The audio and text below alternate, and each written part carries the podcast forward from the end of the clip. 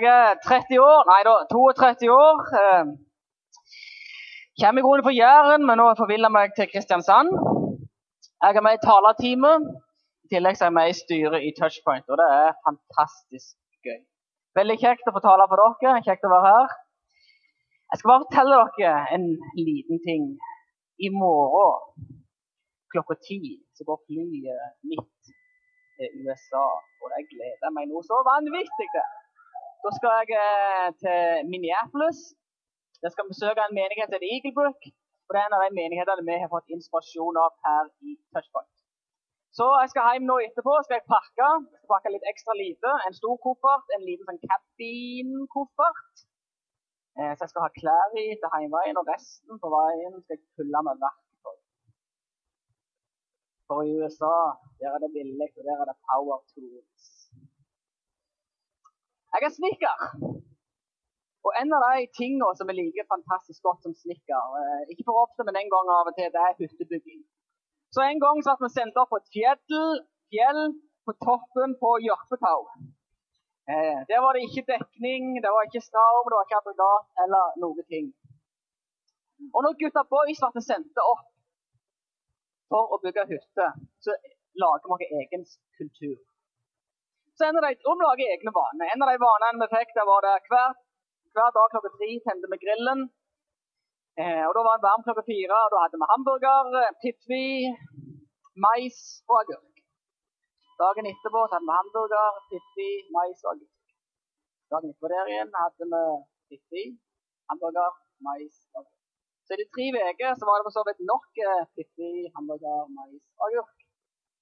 I tillegg, når vi holder på sånn, så uh, det første som skjer, det vi setter på radioen.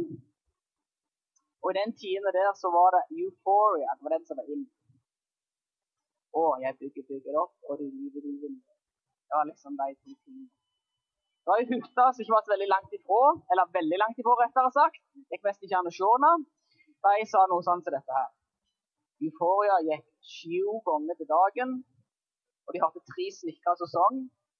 Og en av de han sånn styggere enn alle de andre. Og det var meg. Vi fikk en campingvogn vi skulle bo i. Og det var jo en fest. En sto i ei grøft. Vi fikk eh, beskjed om at uh, der var det jo sånn at det ikke vann, det var ikke dusj. Eh, men normalt sett når vi bygger hytte, så finner vi et vann, og så bader vi der. Men på denne sommeren var det ekstremt kaldt. Så vi hadde vinterjakke på oss. Så vi klarte 80 arbeidstimer uten å vaske oss. En gutteting. I tillegg så uh, fikk vi beskjed om å kunne bruke toalettet i uh, campingvogna, men da måtte vi tømme det sjøl. Så vi tre vi kikket på hverandre, og alle bare tenkte ø, ø. Så vi fant et fjellsprekk. Den nytta vi av i tre uker. Jente, halv på nå. Er det greit? Jente, halv på ørene. Um, det som var gøyest av alt, og vi gleder oss jo så vanvittig, for vi visste at det var nabotomta, den skulle snart sprenges ut. Jente, jeg sa dere skal dere var ørene. Men det er, ingen, det er vanvittig fint å jobbe sammen med gutta boys med felles mål. Her var klokka 23.00, man sikkert begynt klokka 7. Og da hadde vi fått opp alle, alle ut av veggene. Og når vi går i campingvogna da, så er vi fornøyd. På Jæren så er det sånn, når du har snekker på Jæren for dem du har holdt på fra 7 til klokka er 23, så er det ikke lov å si at du er sliten. Da er det bare sånn well done. Men det er når jeg er tømmermann. Men det er faktisk eh, en ting som er finere eller det. Touchpoint har jo to møter. Vi har et møte rett før, og nå er vi møte nummer to. Og Det kaller vi for Crazy torsdag, for vi som er med og lager til dette. her. Det er Crazy torsdag. Og Da kommer noen klokka eh, to, lager mat. Noen kommer rett på skole, rett på arbeid, stiller lyd og har lydsjekk. Og så etterpå så går vi inn og spiser, og da er vi sammen om dette. Er sammen om touchpoint. Og Det er også så helt fantastisk når du, har vært med, når du gjør noe, og setter deg ned og spiser og har en pause, og du gjør noe sammen.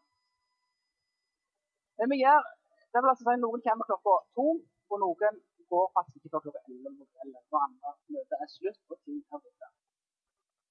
Men vi gjør dette faktisk for en grunn. Det er ikke for ingen grunn vi gjør det. Vi gjør det for vi har en visjon i Touchpoint. Visjonen er noe sånn som dette her. Å nå menneskene som er borte fra Gud, og menighet og gjøre dem til helhjerta etterfølgere av Jesus.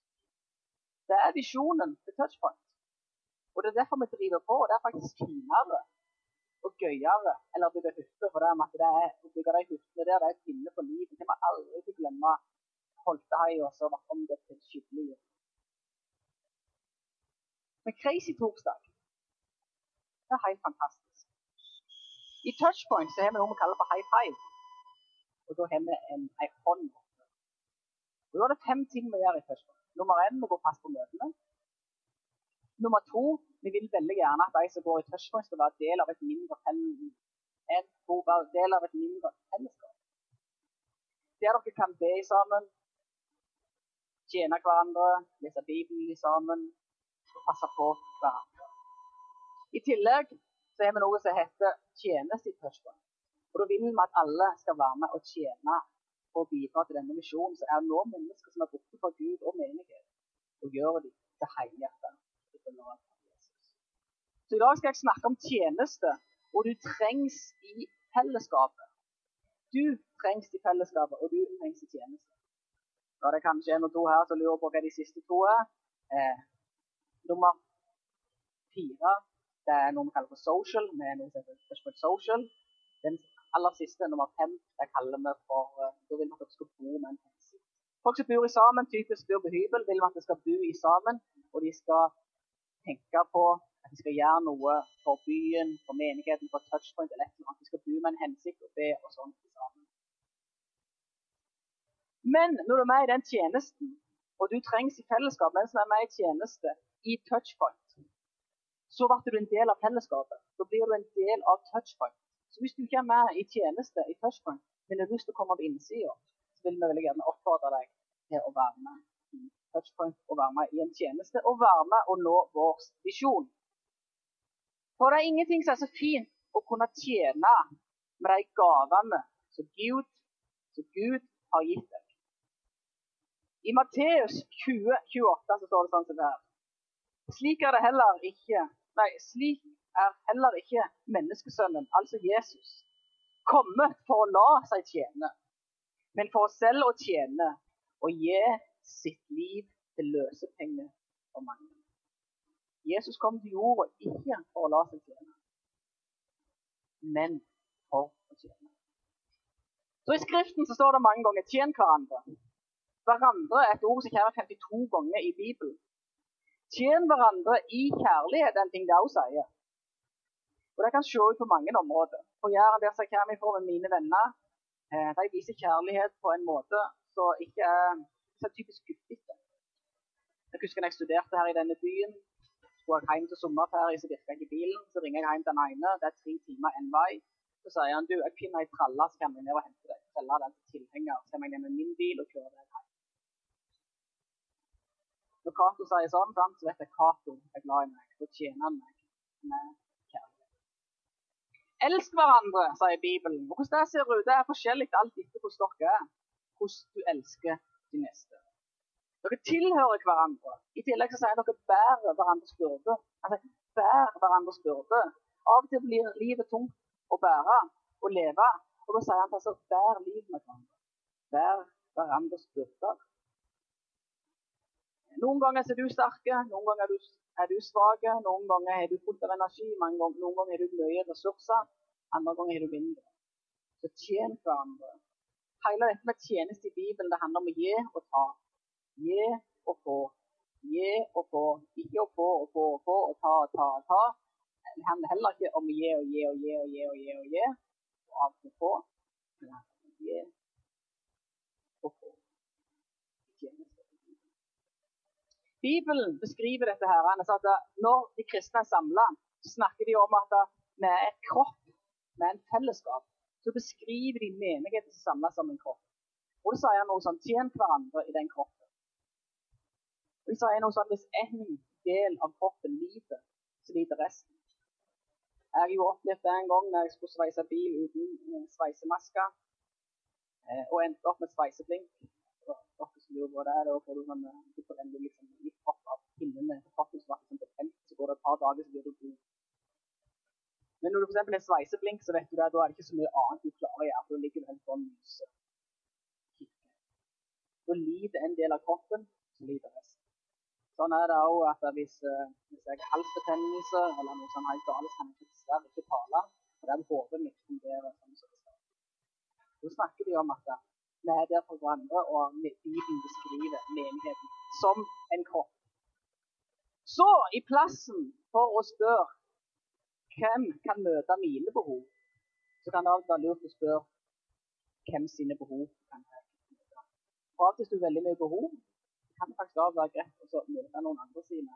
Så blir du ikke så selvopptatt. Du kan også få fokuset en annen vei. Så det er ikke hvem kan tjene meg, men hvem kan jeg være med å tjene. Det handler i kristen sammenheng å gi og få. I Romerne 15,1 så står det Vi som er sterke, må bære de svakeste, de, de svakeste. Beklager en gang til. Vi som er sterke, må bære de svake. Svakes svakheter, og ikke tenke på oss selv. Hver enkelt av oss skal tenke på det som er godt for vår neste, til det som bygger opp. Når jeg var og bygde hytta, så sånn vi bygger, bygger opp. Men vi river, river ikke ned. Det handler om å bygge opp. Og tjeneste, det handler faktisk om å bygge opp. Når vi blir kristne, grunnen til at ikke bare Gud tar oss opp i himmelen med en gang, det er for vi et oppdrag. Først og fremst prøve å nå dette med sine high five og gjøre sitt oppdrag. Du har et oppdrag. Og du har faktisk en plass på dette legemet, og du har en tjeneste. Du trengs i fellesskapet. I must practice my English. You need, we need you in this place. He, she, it, is. Vi trenger deg, for at du er faktisk unik. Og Av og til når vi sier at folk er unike, så tenker vi hm, jeg virkelig det? Jeg gjør det av og til. For hvis alle er unike, da kan vi av og til lure på hvis alle er unike, så er det ingen unik. Hvis alle er unike, hvordan kan jeg være unik når alle andre er unike? Den myten har jeg lyst til å knekke for deg. For det første så har du ditt eget DNA. Du har et eget DNA så de kan finne eh, har du gjort noe galt, eller hvis du har lagt, finger, eh, lagt hendene på noe, så vil de kunne finne ditt DNA. Altså typisk IT-forskning. I tillegg så har du et helt eget fingeravtrykk. Så er helt spesielt bare for deg. Du er DNA, du er fingeravtrykk. Men i tillegg så tror jeg òg at du har en, en tjenesteprofil. Og det er det jeg skal snakke om i dag. Du trengs i fellesskapet, men jeg tror faktisk at du har en tjenesteprofil. På Bibelen så står det da er den salmisten han skriver. Jeg takker deg, for jeg er så underfull laget, underfull av dine verk. Det vet jeg godt. Så Bibelen også snakker om at du er underbelagt. er din egen DNA, du er ditt eget fingeravtrykk. I tillegg så er du din egen tjeneste. Dette skal vi finne ut med et akronym, som det heter på fint. Som heter å tjene dette har jeg lånt fra mine helter Reidar Salvesen, Lars Vormendal og Geir Johannessen til å utvikle. Tjene er akronymet. Nå skal vi gå inn på hver enkelt som heter talenter, jeg-profil, entusiasme, nådegave og erfaringer. Og du trengs i fellesskapet, er hovedtingen som skal ha med oss. Du er en kombinasjon av alle de der faktorene som står der på skjermen. F.eks. talent. Hva for noe talent har du? Jeg-profil. Hva personlighet har du? Du har en helt egen personlighet. E for entusiasme. Hva brenner du for? Hva er det hjertet ditt banker for? Nådegaver det er noe som bare Gud har gitt deg. Det er en gave som Gud har gitt deg. I tillegg så har du noen erfaringer. Alt dette vil være å spisse deg inn imot den tjenesten og det Gud har skapt deg og dannet deg for at du skal være med og bidra med. Det første vi skal gå inn på nå, er talenter. Talenter. En av de uh, mest innvendingene jeg hører, hører når folk ikke er med i tjeneste, det er f.eks. jeg sier jeg har ikke så mange talenter. Jeg har så lite å bidra med. Til vanlig så jobber jeg med unge mennesker, og da ser jeg at jeg alltid imponert over hvor mye som bor Statistikk sier det òg. Jeg forsker på det. Du har mellom 500 og 700 egenskaper. Du har mellom 500 og 700 talenter. Så du er mer talentet faktisk eller hva du er klar over. Du er faktisk mye mer. En av måtene å finne dette ut på, det er faktisk å prøve mer. Prøve nye ting. Eh, hvis du har lyst til å lære nye ting, så bare prøv, for du har faktisk mye mer talenter eller hva du tror. Men jeg tror at alle dine talenter kan du bruke i menigheten. Du kan bruke det i Guds For eksempel, i menigheten så trenger vi praktikere, folk med media, folk som baker, omsorgspersoner, administratorer, undervisere, connect-ledere, samtale, sjelesorg, aktiviteter, grafisk design, vaktmester, matlaging, webdesign, regnskap, musikalsk kunst, dekor, leke, dans. Vil du ha mer? Jeg tror at alle disse talentene kan du bruke for å tjene Gud og fortjener din neste. I Kolosserne 3, 23, 24 så står det Alt arbeid skal dere gjøre helhjertet, for det er Herren og ikke mennesker dere tjener. Alt arbeid skal dere gjøre helhjertet, for det er Herren og ikke mennesker dere tjener. Jeg tror at tjenesten i menigheten er et instrument, et redskap til Gud bruker for å bringe ut sin frelse. Jeg tror at tjenesten i menigheten det som ramser opp, er et instrument, et verktøy som Gud bruker i menigheten for å bringe ut sin frelse. Talenter har vi snakket om. Da går vi over på jeg-profil. Jeg-profil. Vi tiltrekker som regel noen arbeidsoppgaver som passer til vår personlighet. Du er en egen personlighet. Eller hvis du var korrekt, du er din egne personlighetstrekk. For eksempel noen av dere er utadvendte. Noen av dere er innadvendte. Noen av dere liker å ta ord i, forsamlinger, mens andre gjør det ikke. Noen liker rutine. Noen bare elsker å vite hva de skal gjøre hver dag, og elsker hva de skal gjøre når de kommer på jobb. Eh, eller elsker hva de skal gjøre i en menighet. Så er det noen som elsker å ikke takler det så veldig godt. Det kan være en motsetning, eller det kan være midt på skalaen. Og så er det noen som bare digger variasjon, f.eks. på hovedpastor og Gjelling. Noen elsker å jobbe i team, andre jobber ønsker å, å jobbe alene. Noen av dere er saksorienterte, liker helst å jobbe med sak, praktiske ting, mens noen av dere liker mye bedre relasjonsorientert. Noen av dere tenker, dere tenker alt av avgjørelser med tankehode, logisk, en, to, tre, og sånn skal vi gjøre, og sånn går vi. Hvis noen av dere er mer sånn Jeg tror det for jeg føler det. Føler det sånn. Der er vi veldig, veldig veldig forskjellige. Noen små, store grupper, noen liker små grupper. Derfor er det noen som elsker denne forsamlingen her, mens noen liker bare å være for eksempel, i ei Connect-gruppe. som er vår type sånn. Og så har vi jo i tillegg A-menneske og B-menneske. Du skal gjøre det som er naturlig for deg, det som du kjenner er mest naturlig. Jeg for min del jeg takler ikke XLR. Gi meg en stund og skal lage noe system på XLR. Så kjenner jeg bare jeg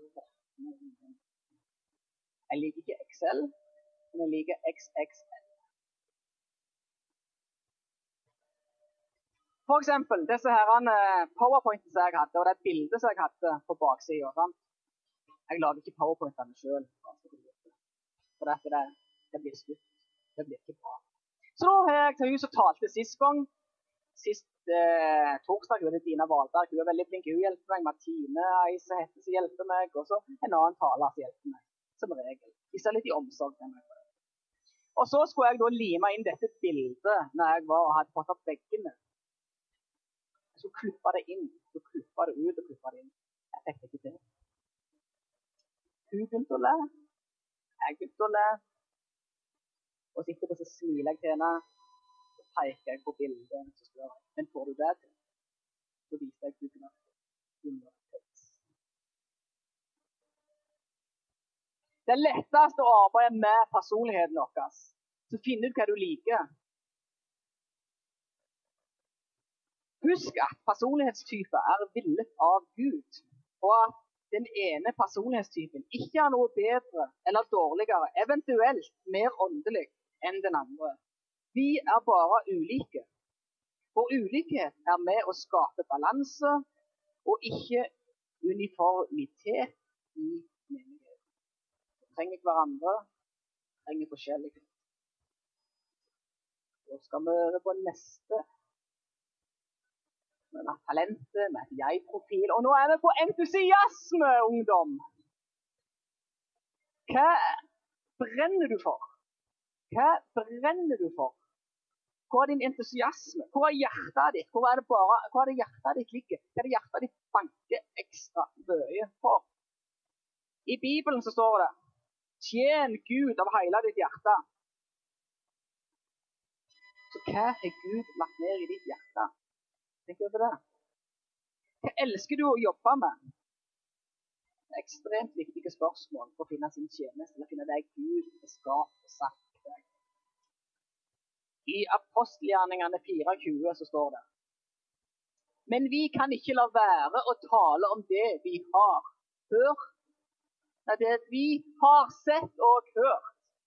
Vi kan men vi kan ikke la være å tale om det vi har sett og hørt. I tillegg så står det i Matteus 12, 34b. For det er hjertet fullt av, det sier munnen. Hva er hjertet ditt fullt av? Hva du bare ikke kan slutte å snakke om? Hva du bare snakker om hele veien hvis du får en anledning? Hva er det da du bringer fram på bordet? Nybakte, bar, nei, nybakte foreldre, så er det nybakte foreldre. altså Gå i en sånn, en, en, eh, 27 års gamle mødre som har fått inn det første barn hele gjengen. Det er ikke tvil om hva samtaleevne verdt. Da blir det i bleie og i hodet. For meg, når jeg begynte for å snekre, så snakket jeg om snekring hele veien. Hver gang jeg kom inn i et hus, så fikk jeg hvordan ser dette ut, hvordan er det gjort. Jeg begynte å studere teologi, så tenkte jeg teologi hele veien. Når jeg begynte å studere menighet, så tenkte jeg menighet absolutt hele veien. og det var det jeg snakket om. Nå har det blitt litt mindre, men jeg er ennå det i fokus. For din del, hva du kan holde på i timevis uten du blir lei med, det er jo bare et eller annet du kan holde på i timevis uten du blir lei av. Hvis du spør dine venner hva brenner jeg for, hva vil de si? Hvis du lurer på hva du brenner for, spør en av vennene dine hva du brenner om, og hva det er jeg egentlig alltid snakker om hvis jeg får anledning.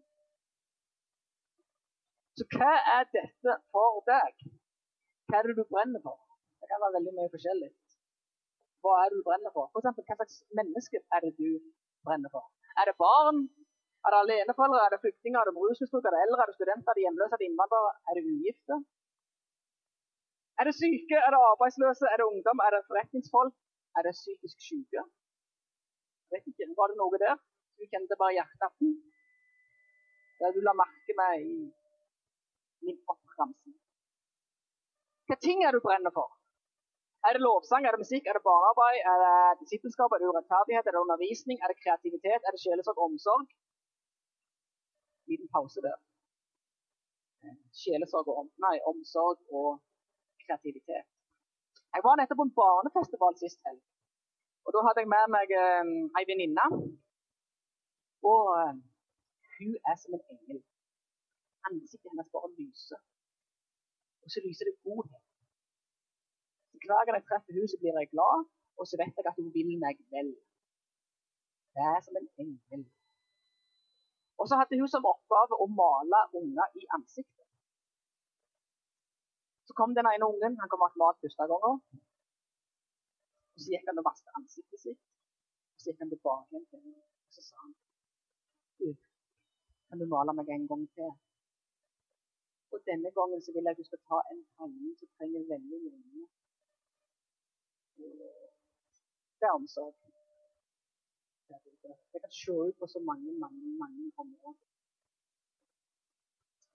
Det kan være økonomi. Jeg elsker folk som driver med økonomi og heller på å lage system i rotet, for jeg er en advokat. Teknisk data, sosialt arbeid, evangelisering, misjon, rusmisbruk, miljøvern. Eller kanskje du elsker å be. Hva brenner du for? Det er greit å vite hva vi tenker over når vi skal tenke på hva tjeneste du vil ha. Nå går vi over til nådegaver. N-en. Da vi snakket om talentet, personlighet, brenner for, og nå er vi på nådegaver. Vi tror at Gud, som blitt kristne, gir oss en spesiell gave som kalles for nådegave i Bibelen. En nådegave er en gave, en tjeneste, som er for å bygge opp menigheten. Det handler om å bygge opp fellesskapet, eller på å bygge opp hverandre. Så nådegave det er en åndelig utrustning for fellesskaps beste. Jeg lese noe til dere En nådegave er en bibelsk betegnelse på den utrustning og de muligheter som Den hellige ånd av bare nåde gir til en kristen for at vi skal kunne tjene Gud og hverandre. Det er noe som Gud gjør for at vi skal tjene Han. Den hellige ånd gjør for at vi skal tjene Gud og hverandre. I 1. Peter 4,10 så står det Tjen hverandre, hver og en med den nådegave han har fått, som gode forvaltere av Guds mannfoldige nåde. I Efeserne 4,11 står det. Og det var han som ga noen til å være apostler, noen til profeter, noen til evangelister, noen til hyrder, noen til lærere. For å utruste de hellige til tjeneste, så Kristi kropp bygges opp. Jeg snakket om menigheten. Jeg snakket om legemet, altså kroppen vår. Det er for å bygge opp. En nådegave er for å bygge opp. Nådegave det er faktisk å gjøre ting i kjærlighet. Hensikten er å bygge opp, men du gjør det med Guds nåde. Du bringer Guds nåde til folk. I tillegg så bringer du Guds kjærlighet til folk. Det er en nådegave. Det er ca. 40 av dem i Bibelen, og Elling Foss, vår hovedpastor, skal tale om det en annen gang. Så da skal du ha litt av de alle de 40. Eh. Men det er noe som bringer ut Guds nåde, Guds kjærlighet til dine medmennesker. Nydelig. Så går vi over på erfaring den siste. Å tjene. Erfaring. Hva for noen erfaringer har du? Jeg tror at erfaringene våre kan hjelpe oss, kan hjelpe oss å finne vår tjeneste. Vi utvikler oss, vi lever hele livet. Jo mer vi lever, jo mer erfaringer får vi. Og jeg tror disse erfaringene kan vi bruke til å tjene Gud med. I Romerne 8,28 står det. Vi vet at alt tjener til det gode for den som elsker Gud. Dem han har kalt etter sin frie vilje. Vi vet alt tjener til det gode for den som elsker Gud. Alle erfaringer tjener til det gode for den som elsker Gud. Så Hva slags erfaringer er det du tar med deg for eksempel, inn i dette rommet? Du har noen åndelige erfaringer. Kanskje Gud har møtt deg, så du har så du gjerne vil gi over til noen andre. Du har en skolegang, du har et yrke. Det er typisk noe du kan bruke for å bygge opp menigheten. Den utdannelsen som du har, den kan du som regel bruke i en menighet for å bygge opp. Det er administrasjon, er det økonomi, er det barn Nei, kan bruke. Bare snakk med folk om det. Familie. Du har en familie. Uh, og familier har sin egen kultur, de har sin egen ting. Så når du er vokst opp i en familie, så er det ting du får med deg fra familien. Du lærer en del ting fra din familie som faktisk ikke din venn har fått lært eller fått med seg. Du får noe med deg fra din familie. Den erfaring du har. Du er menighetserfaringer. Du har gode erfaringer som kan dame ta med deg og gi til andre. Av og til så tenker jeg noe sånn, Det er gode som noen har gjort for meg, det er vel igjen mot noen andre. Det er bare en sånn ting. Det som folk har betydd for meg, vil jeg bety for noen andre. Hva er gode erfaringer som du har som du tenker på oh, det vil jeg i grunnen gi videre? fra det? Gi det. Det er noen erfaringer. Men i tillegg så er det mange av dere her som har noen smertefulle erfaringer. For hver enkelt. Noen har nok hardere erfaringer eller andre. Men jeg tror at når vi gir vår smertefulle erfaring ut og vi får gå i en helbredelsesprosess. Vi må få bruke den tida vi trenger i sjelesorg, i samtale med folk, i bønn. og i terapi, så tror jeg mange ganger at de erfaringene kan være en av oss kan være vår tjeneste, kan åpne for vår tjeneste. Jeg tror vi kan bruke mange av våre erfaringer til med de smertefulle for å tjene andre. Det er sånn i vårt liv, vårt liv. Så er det mange ganger vi ber Gud om å flytte et fjell. Fjellet da kan jo være et eller annet som du bare vil ha vekk fra livet. Det kan være en smerte du bare vil ha vekk. Du ber veldig intenst. Du ber og ber og er fortvila. Gud, hjelp meg! Gud, redd meg ut! Men så står fjellet, fjellet i livet ditt. Men kanskje om noen år så finner du ut at midt oppi det fjellet, midt inni det fjellet, der var det ei gullgruve. Og den gullgruva det er ei gullgruve, for den vil du faktisk ikke være foruten. Og da trenger de stund. trenger en helbredelse. trenger Gud oppi det. Det trenger gode folk å gå og vandre med. Men av og til er det sånn. Og de smertefulle erfaringer det kan være så mangt. Det kan være at du har hatt ufattelig dårlig på jobb. Elendig på skolen. Det kan være at du har dårlige At familien din har hatt sine utfordringer.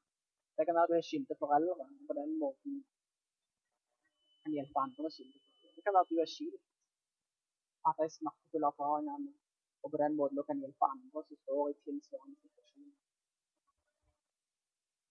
Men jeg tror at de smertefulle erfaringene faktisk kan vi bruke vi får tid, og vi får la Gud virke over tid. Så kast ikke bort din smerte, for din smerte kan faktisk være en nøkkelåpner. Og du kan bety vanvittig mange, mye for mange. Jeg tror alle at Gud er årsaken til smerten. Men jeg tror at Gud er med i smerten. Og jeg tror at Gud kan bruke smerten. Men jeg tror ikke Gud er årsaken. Men jeg tror så lenge vi lever på denne jorda, så vil livet slå oss i annerledes. I tillegg så er du en X-faktor. Det er noe med deg som gjør at du er bare du. Når du treffer noen, du treffer noen venner, så vet du bare det er deg, for det er bare et eller annet med dem, så er en X-faktor. Det er bare noe som gjør at du bare er. Så alt dette her, talentene, jeg-profil, entusiasme, nådegave og erfaringer og X-faktor, det gjør deg unik. Det gjør deg unik. Og det gjør at klisjeen med at hvis alle er unike, så er ingen unik, er vekke. Derfor tror jeg at du er unik. For i sammen, alt dette her, blandingen her, det er deg. Og ingen vil ha samme blandingen. Og summen av denne blandingen det vil være din tjeneste. Så jeg-profilen din, akronymet mitt, talenter, jeg-profil, entusiasme, nådegave, erfaringer. I lag med tjenestesmulighetene som jeg rammet opp, alle over høve muligheter som du kan bruke til å tjene, alle dine talenter, alle dine nådegaver, ditt hjerte, dine erfaringer, din personlighet. Når det går gjennom alle muligheter du har, så finner du din tjeneste. Noen tjenester er det sånn at du må vokse opp i. Det vel altså si, har du, Tar du opp gitar for første gang, så låter det som regel ikke fint. Du trenger en stund for å prøve deg å vokse inn i det. Eh, noe, altså For å finne din tjeneste må du også prøve en del nye ting. For det er en del ting du ikke får. Når du er 500-700 talent, Det kan være veldig, veldig, veldig greit noen ting der bare finner du ut veldig tydelig at det skal jeg ikke gjøre. Eh, og Da lærer du det, og da vet du hva du ikke skal gjøre. Så når du har gjort noe og finner ut at dette passer ikke meg, så kaller vi det for et eksperiment, ikke et nederlag. Men spør noen andre hva jeg er flink til. Hva syns du jeg passer til? Hva er mine tjenester? Så kan da folk, dine venner, hjelpe deg å finne det tjenesten som du har. Prøv nye ting. Si ja får du en utfordring, si ja, for du vet faktisk ikke 500, 700 talent egenskaper som du Så prøv. Jeg har en kollega. Han er 72 år. Han har erfart veldig mye. Han er i grunnen ufattelig kaffe. Han er, han er professor over fire felt. Men som 72-åring så fikk han sin fiolin. Og så skulle han lære seg å spille fiolin. Så sier han fikk med seg fiolin på jobben for å spille fiolin. 72 år. Det er meg for han. Det er fantastisk nydelig. Så jo lenger du lever, jo mer finner du ut av hva du kan, og hva du ikke kan. Men når vi snakker om tjeneste, så, er det to, så um, tenker jeg alle vil ha sin spesialtjeneste. Men av og til så tenker jeg bare sånn, når det gjelder menighet, av og til må alle bare brette opp armene og gjøre noe. Du trenger ikke alltid ha en spesiell tjeneste på grunn av stoler. Da tenker jeg da må du brette opp armene og være Du forlater ikke skuter for alt er ferdig. På jobb. Du reiser ikke for alt er ferdig. Sånn er menigheten òg. Alltid bare bretter dem opp. Så sier vi ikke er min tjeneste er ikke å brette stoler. Da er det mer sånn brette opp armene. Det er to forskjellige ting. Det går på holdningene.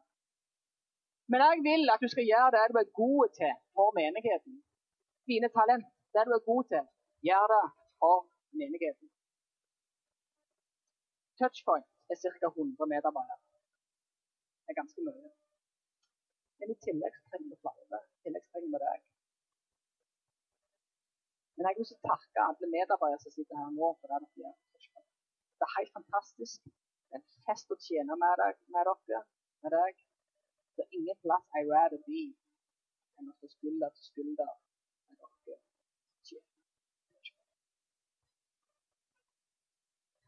Du kommer til å gi livet ditt et eller annet. Tida di fyker uansett. Hvem det blir litt fokusert på å tenke på jeg vil gi tida mi til noe som gir mening.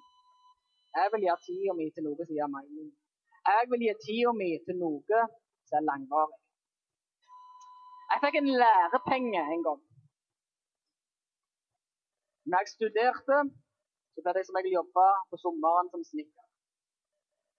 Og når vi jobbet da, så telte vi liksom dager og penger. Det bare sånn, Du skal bruke det resten av året. Jeg sa ja til en sånn konfirmasjonsleir. Og det var midt inni sommeren min. Så jeg så det og tenkte søren heller. Uff, ja, jeg skulle heller vært på arbeid. Men så reiste jeg, satt meg i minibussen og reiste. Det var ufattelig gøy. Jeg begynte med Singstar med Alice Cooper og Poison. Det er noe som jeg kan veldig godt. Når du hører på P4, så kan du den. Og vi sang med. Vi reiste opp til Bø i Telemark, der Comfort Action er. Kom inn i et stort telt. Det er noen av de beste bandene du kan tenke deg. Noen av de beste talerne. Og det er så ufattelig god stemning. Og jeg tar meg sjøl i å stå på stolene i lag med konfirmantene og synge på leirsangen. Og da var det Black Eyed Peas, I Got A Feeling. Uh -huh. Så var sangen. Aktiviteten som de hadde, var noe av de beste, beste instruktørene på alt av idrett og alt av ekstremsport. Men mens vi var der, så kommer han som leder den leiren. Leder vår gruppe på den leiren, så sier han til meg og min venn Du, pass ekstra på Han fikk akkurat beskjed at foreldrene skulle gå i forkant før han satte seg i minibussen. Da tenkte vi jeg skal gi litt oppmerksomhet, som gjør det på guttevis. Da er det litt harde klemmer, hiver litt på trampolinen, han, han eh, koser seg. Han dilter etter resten av helga og kommer og knotrer. på den måten som viser jo gutta. På den leiren var det mange som ikke vant med å gå på kristne plasser. Og når de var derifra, så sa de vi vil reise på action. Action er året. De vil reise ett år før. Så de høre mer om Jesus. Jeg kom tilbake igjen på arbeid da. Så sa jeg bare til min sjef det var så verdt det var så verdt Det kosta meg arbeidspenger, men det er verdt det. Det er ikke alltid det passer, men å tjene i Guds rike, det er verdt det. Det er verdt det. Matteus 25, 40 står det. Det dere gjorde mot en av mine minste søsken, har dere gjort det med, mot meg. Så når vi gjør noe for noen andre, så er det samme som gjør det for Jesus. Hvis du tjener noen, se Jesus i øynene deres. Du er skapt til å bety noe. Når jeg fikk min lærepenge, så var det bare sånn, det var så nydelig å få bety noe for. Jeg kunne så vanvittig gi glipp av den muligheten. Så klisjeen, din største gleden du kan ha, det er å gjøre andre glad, er ikke en klisjé. Ja, det er en klisjé helt til du har testa det og erfart det. Da er det en klisjé. For det er ingenting som er så godt når vi kan nyte godt av hverandre. Vi gir og tar. Det er ingenting som er så nydelig som når noen kommer til tro gjennom din tjeneste. Det er ingenting som er så nydelig som når folk får et bedre liv pga. den tjenesten som du gjør. Det er alltid en unnskyldning. Riv vekk unnskyldningene, brett opp armene og med og tjen. For det. Og finn den gaven og den plassen som Gud har. Det er faktisk ingenting som er finere enn det. Jesus ga sitt liv for oss. Han ga sitt liv for meg å skape frelst. Og det er derfor jeg tjener han, for han ga sitt liv for meg som jeg tjener han. I 1. Timoteus 1,9 så står det Han har frelst oss og kalt oss med et hellig kall. Ikke pga. våre gjerninger, men etter sin egen frie vilje og nåde. Som har gitt oss i Kristus Jesus for evigheten. Jesus ga livet sitt for meg. Derfor vil jeg gi ham det tilbake. Når jeg sa ja til Jesus, så sa jeg ja til Jesus for evigheten. Når jeg sa ja til Jesus, så sa jeg ja til å være med og leve livet mitt for ham. Så hvis du er her i dag og ikke har sagt ja til Jesus, så er det ikke sant. Jesus dør for deg. Jesus kom for å tjene deg. Hvis du vil være med han i evigheten og få ekstra mening i ditt liv her og nå, anbefaler deg å si ja til Jesus. Han er bare et ja unna. Hvis du er en av de da som tenker det har jeg lyst til, så ikke første lovsangen når nå rett etterpå, så kan du gå inn ned i krona vår her på min venstre, deres høyre, og snakke med de som er der. Jesus ga sitt liv for deg Gi han ditt liv. Så etter jeg ga mitt liv til Jesus, eller når jeg har vært med Jesus, så tenker jeg at jeg vil leve for han alltid. Det er mitt mål. Jeg har lyst til å leve for han. Jeg har lyst til å leve der for han. Jeg har lyst til å tjene som Jesus. Du trengs i fellesskapet. Med alt det du er, med hele din profil, med alt med dine talenter, med din personlighet, med din entusiasme, med ditt hjerte, ditt nådegave, dine erfaringer. Du trengs i fellesskapet med alt det som du er. På stolene deres nå er dere noen lapper. Der kan dere skrive på. Det står noe sånn kryss, men du kan skrive mye mer. Hvis det er noe du har lyst til å bidra med i touchpoint, skriv det på. Skriv ditt navn. Skal du legge det igjen på stolene, eller så kan du gå inn hos den og for dere som har lyst til å være med og tjene i Touchpoint, og finne ut hvilke tjenestemuligheter du har, inn på den er inn den døren der.